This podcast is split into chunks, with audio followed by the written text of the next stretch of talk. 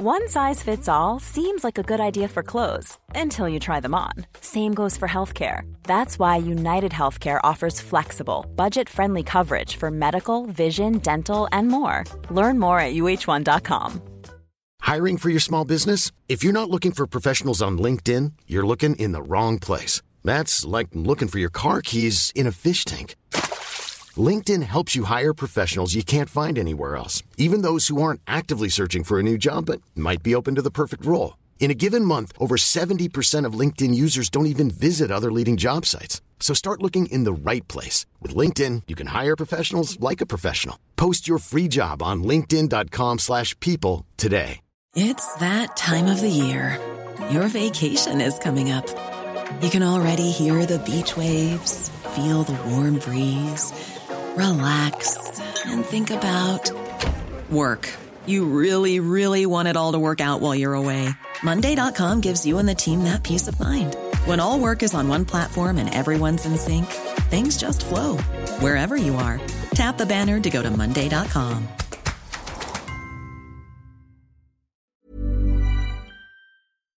Du lytter til en podcast fra TV2.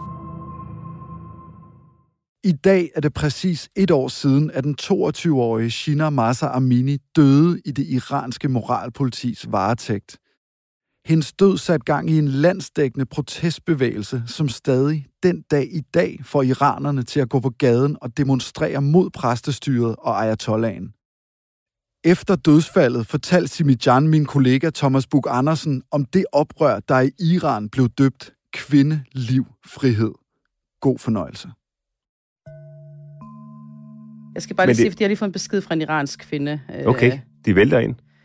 Jamen, det er fordi, jeg er i kontakt med nogle stykker, så lige når de har internetadgang, så er det bare sådan ret... Øh... Så det her, det er faktisk et, et vigtigt øjeblik? Jamen, det er, fordi det er så svært at få hul igennem til folk dernede, fordi at øh, regimet jo har blokeret for internettet, hvad, hvad de skriver der? til mig. Uh, feeling terrible, the more people continue protest, the more aggressive regime becomes. Altså, jo flere, der ligesom går ud og protesterer, jo mere aggressiv bliver regimet, ikke?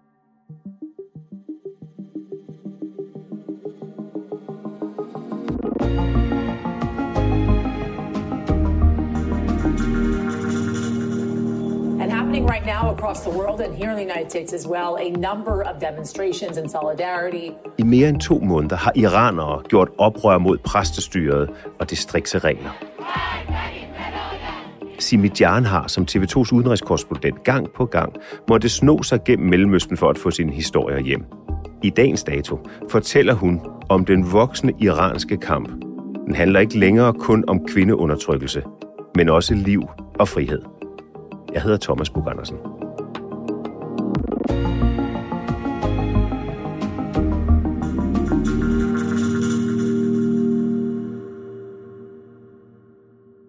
Er du en rebel?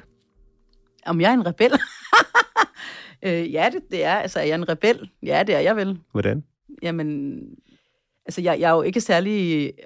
Altså, jeg, jeg tror ikke så meget på autoriteter. Altså, jeg, er sådan, jeg er jo min egen. Kan man give det mening? Ej, hvordan kan man sige det? Jeg er ikke særlig... Jeg, jeg, er, ikke, jeg er ikke særlig autoritetstro. Øhm, altså, og der er jo meget, det er jo meget dansk i virkeligheden, fordi vi har en meget flad struktur. Altså, i Mellemøsten er der virkelig stor, stor hierarki, øhm, og det skal man sådan bevæge sig lidt rundt i. Og, der, og ja, det er da klart, også når jeg render rundt i Iran eller Afghanistan, laver jeg jo historier, som regimet ikke bryder sig om, men det er jo øh, vigtigt. Det skal jeg jo gøre som journalist. Det er jo mit job. Igen i dag har der været store folkelige protester, og flere frygtes dræbt i sammenstød med sikkerhedsstyrker. Siden den 22-årige Gina Massa Amini i september døde i politiets varetægt efter ikke at have båret sit hovedtørklæde som foreskrevet, så har protesterne bredt sig. Vreden retter sig mod myndighederne og præstestyret, og op mod 100.000 vurderes at have været på gaderne. Gennem de seneste måneder er flere end 15.000 iranere blevet arresteret og tilbageholdt. Seks har på det tidspunkt, hvor vi udkommer med den her podcast, fået en dødsdom. Simi Jan, det er alt det, vi skal tale om i den her udgave af Dato. Fordi du er TV2's øh, udenrigskorrespondent, har opholdt dig en stor del af din tid i Kabul, men også har rejst en hel del i Iran. Hvor meget har du rejst i Iran? Jamen, jeg har rejst der første gang, det var i 2006 hvor jeg lavede flere forskellige historier. Og der kan jeg huske, at øh, jeg, lavede, jeg ville lave en historie om kvinderettigheder, fordi jeg har altid været meget optaget af kvinderettigheder. Du var på forkant? Jeg var ung, og jeg var uerfaren. Det var første gang i Iran, men jeg forstod, okay, de holder fuldstændig øje med alt, hvad jeg laver. Og de lytter med på alt, hvad der foregår. Og der har jeg så senere hen, også for nogle år siden faktisk, prøvet at blive tilbageholdt af den iranske efterretningstjeneste, da jeg var dernede, altså civilklædte mænd, der dukker op pludselig, faktisk midt i min live, mens jeg stod og rapporterede, var de ved at afhøre min øh, lokale tolk, og så fik jeg afsluttet liven, og så fik vi at vide, at vi ikke måtte øh, sende mere. Og de skulle vide, hvem jeg var, og de tog billeder af alting og begyndte at lave opkald. Og jeg tænkte bare, åh oh, nej, hvis jeg forsvinder nu, så ved jeg ikke, hvad der kan ske. Så gik der en halv time, så kom der en, øh, en, en sort, smart, nypusset bil med tre muskuløse unge mænd med sorte joggingbukser og sort stramsiddende t-shirt. Hvad tænkte du så? Der tænker jeg, det her det er jo en scene fra Homeland.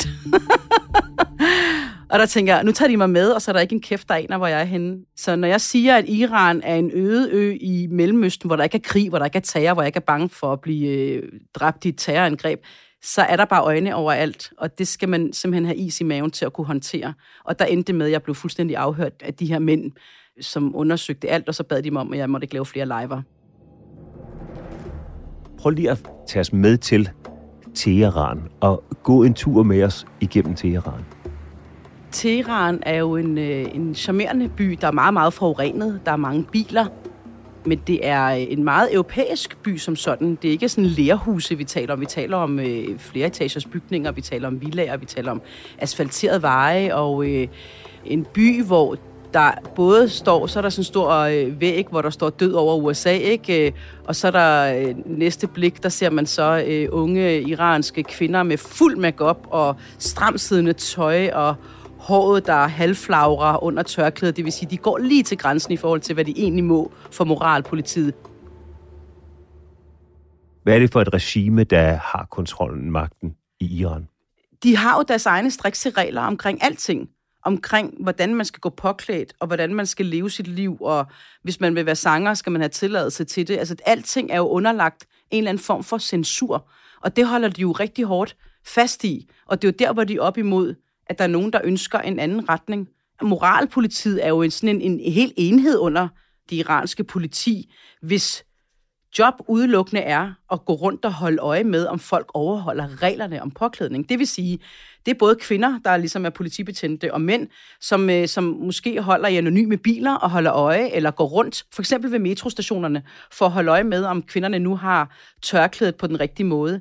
Og så kan de finde på at stoppe dem og sige, hey, du skal lige bære dit tørklæde på den rigtige måde, eller ved du hvad, du viser for meget hud, du viser for meget øh, af din hånd her, eller for meget, øh, du skal ikke gå rundt med sandaler eller et eller andet. Men så andre gange, så er det jo, de tilbageholder folk og tager dem med i politiets varetægt. Og det der forbud mod at øh, vise hår i offentligheden, det er jo til at forstå. Det er ikke til at forstå, at man har indført det, men det er til at forstå, hvad det går ud på. Men hvad er det så de andre, der støder til den her frihedskamp? De andre, der bakker op om den her frihedskamp. Hvad er det så, de opponerer imod? Er det kun forbuddet mod at vise hår offentligt, eller er det alle mulige andre regler også?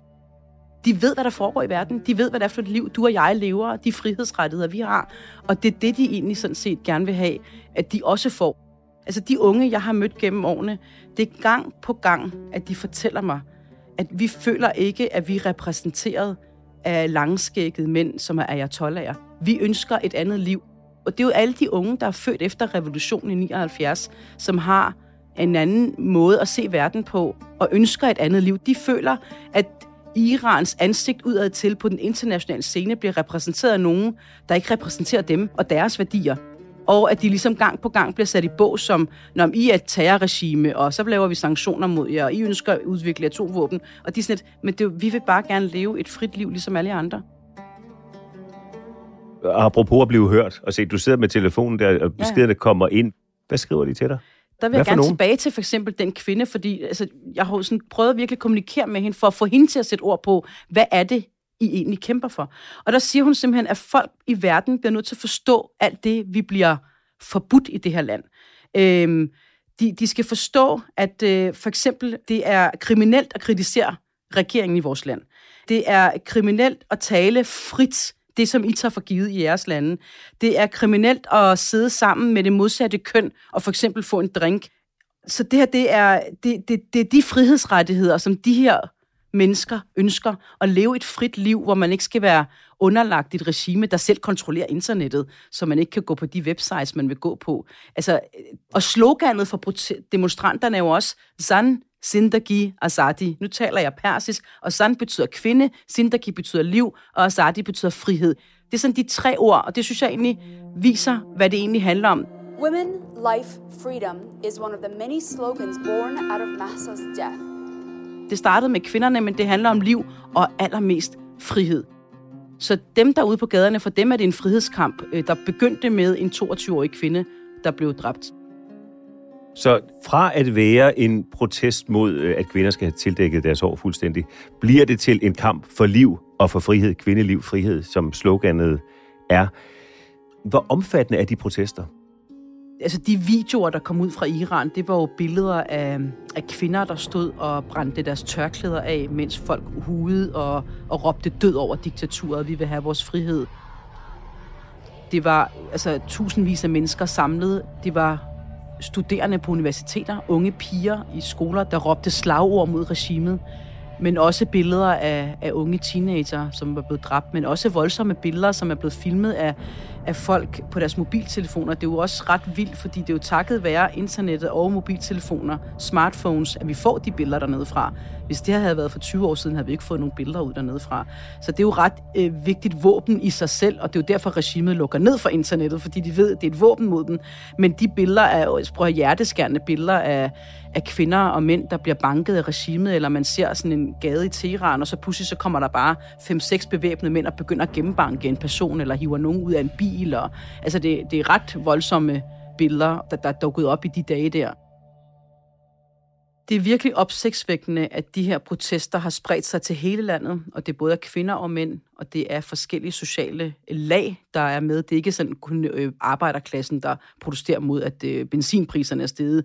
Det er hele paletten, og det er det, der adskiller det her fra tidligere protester. Og det faktum, at de bliver ved indtil nu, til trods for, at regimet slår så hårdt ned mod dem. Altså meget brutalt, både med vold og med våben og øh, trusler og, og fængslinger.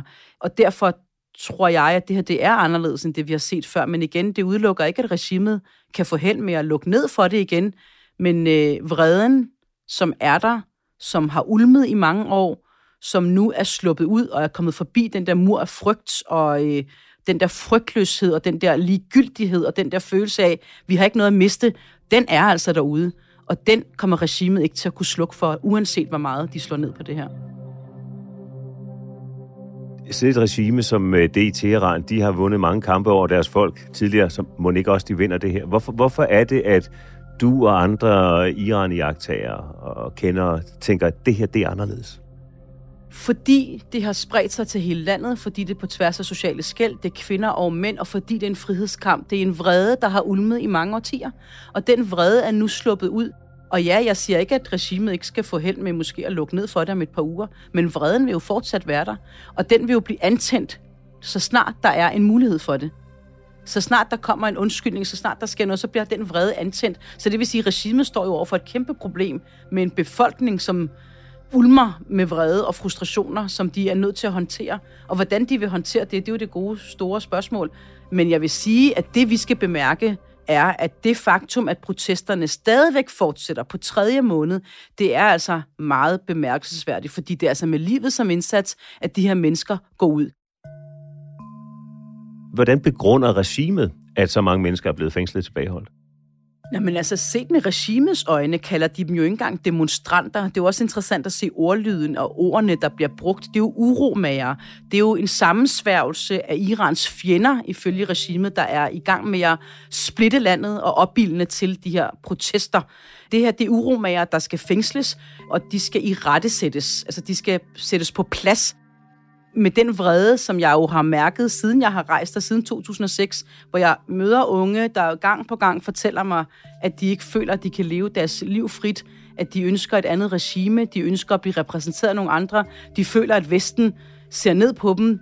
Altså, der, jeg kan huske, der var unge, der sagde, I tror alle sammen i Europa, at vi alle sammen er et præstestyre. Og det er vi jo ikke. Du kan jo se, vi er almindelige mennesker, der gerne vil leve et almindeligt liv, der gerne vil have en mobiltelefon, der gerne vil gå på café, og der gerne vil kunne sidde og sige, hvad vi ønsker, eller sidde med dem, vi ønsker at sidde med, uden at der er et moralpoliti, der siger, hvem er det, du sidder med? Hvis ikke han er i familie med dig, så må du ikke sidde med ham, hvis du er kvinde, eller har du nu tørklæde på på den rigtige måde?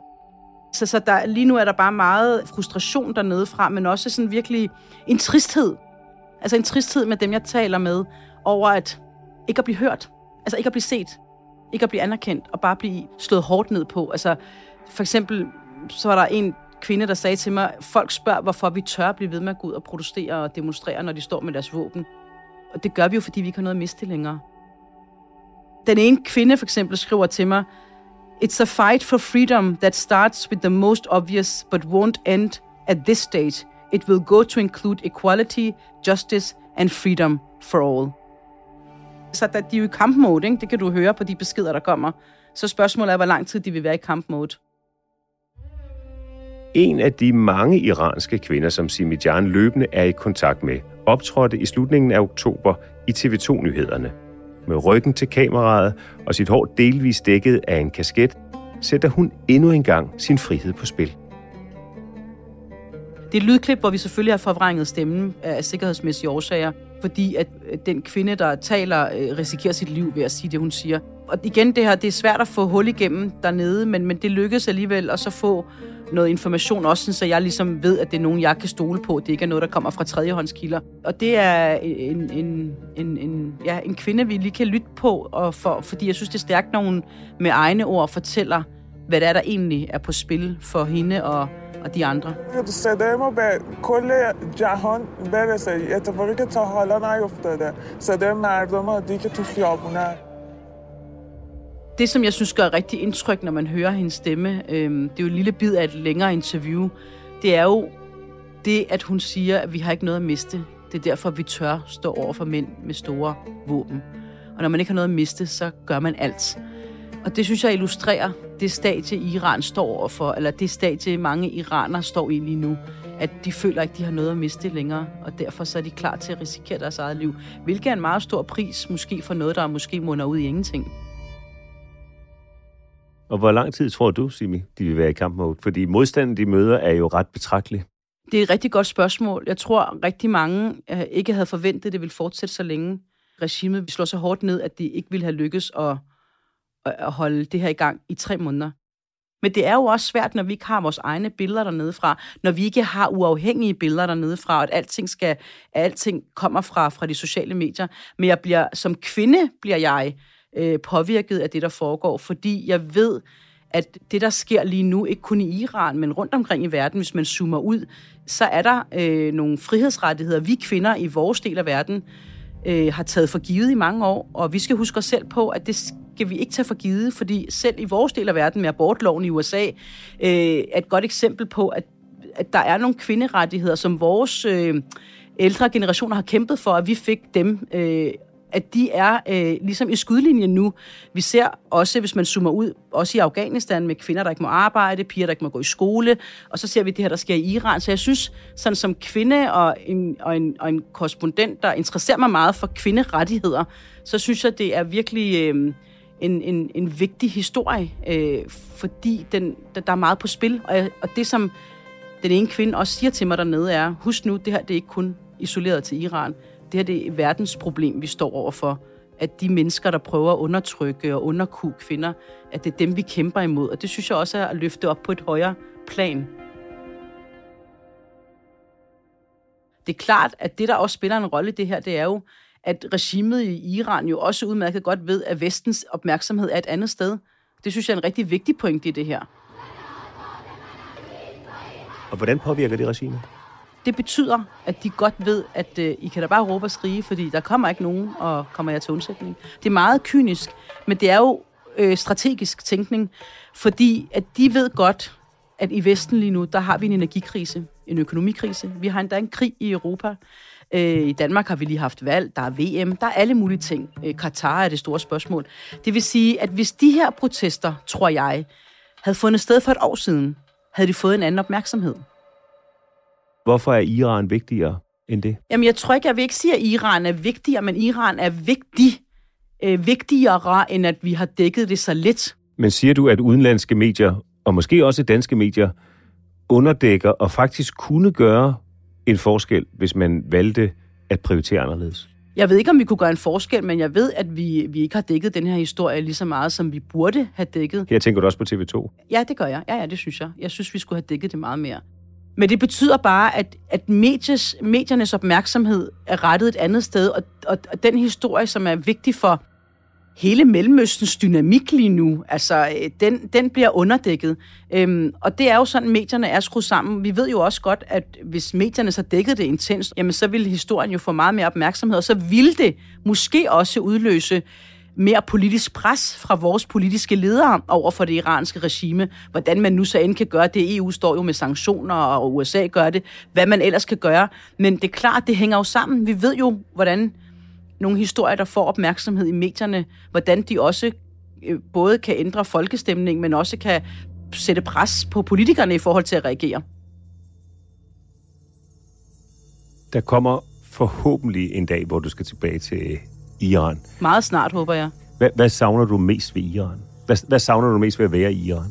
Jamen, sådan helt personligt, hvis jeg ser helt bort fra, fra protesterne og så videre, maden. Jeg elsker iransk mad, jeg elsker øh, duftene, jeg elsker de hyggelige caféer, som er gamle huse, hvor der hænger billeder af kvinder i lovkort øh, fra den gang før revolutionen, hvor Iran jo var et andet sted, hvor der var øh, friheder, hvor man gik klædt, som man ønskede, øh, man gjorde, hvad man ville. Øh, det var det Iran, det var før den islamiske revolution. Og se de billeder på caféerne og sidde og, og kigge rundt, det er, altså det, det elsker jeg, og så elsker jeg de unge iranere, jeg møder, iraner i det hele taget, som er øh, simpelthen så gæstfrie og søde og, øh, og har en livsglæde og har øh, og er meget sådan, ja, imødekommende.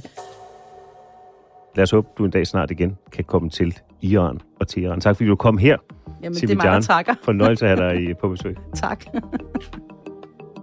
Den kvinde, der har givet liv til den her udgave af Dato, det er Sissel Ravn. Lyddesign af Ida Skærk og Ida Skovsgaard. Redaktør Astrid Louise Jensen. Jeg hedder Thomas Bug Andersen. På genhør.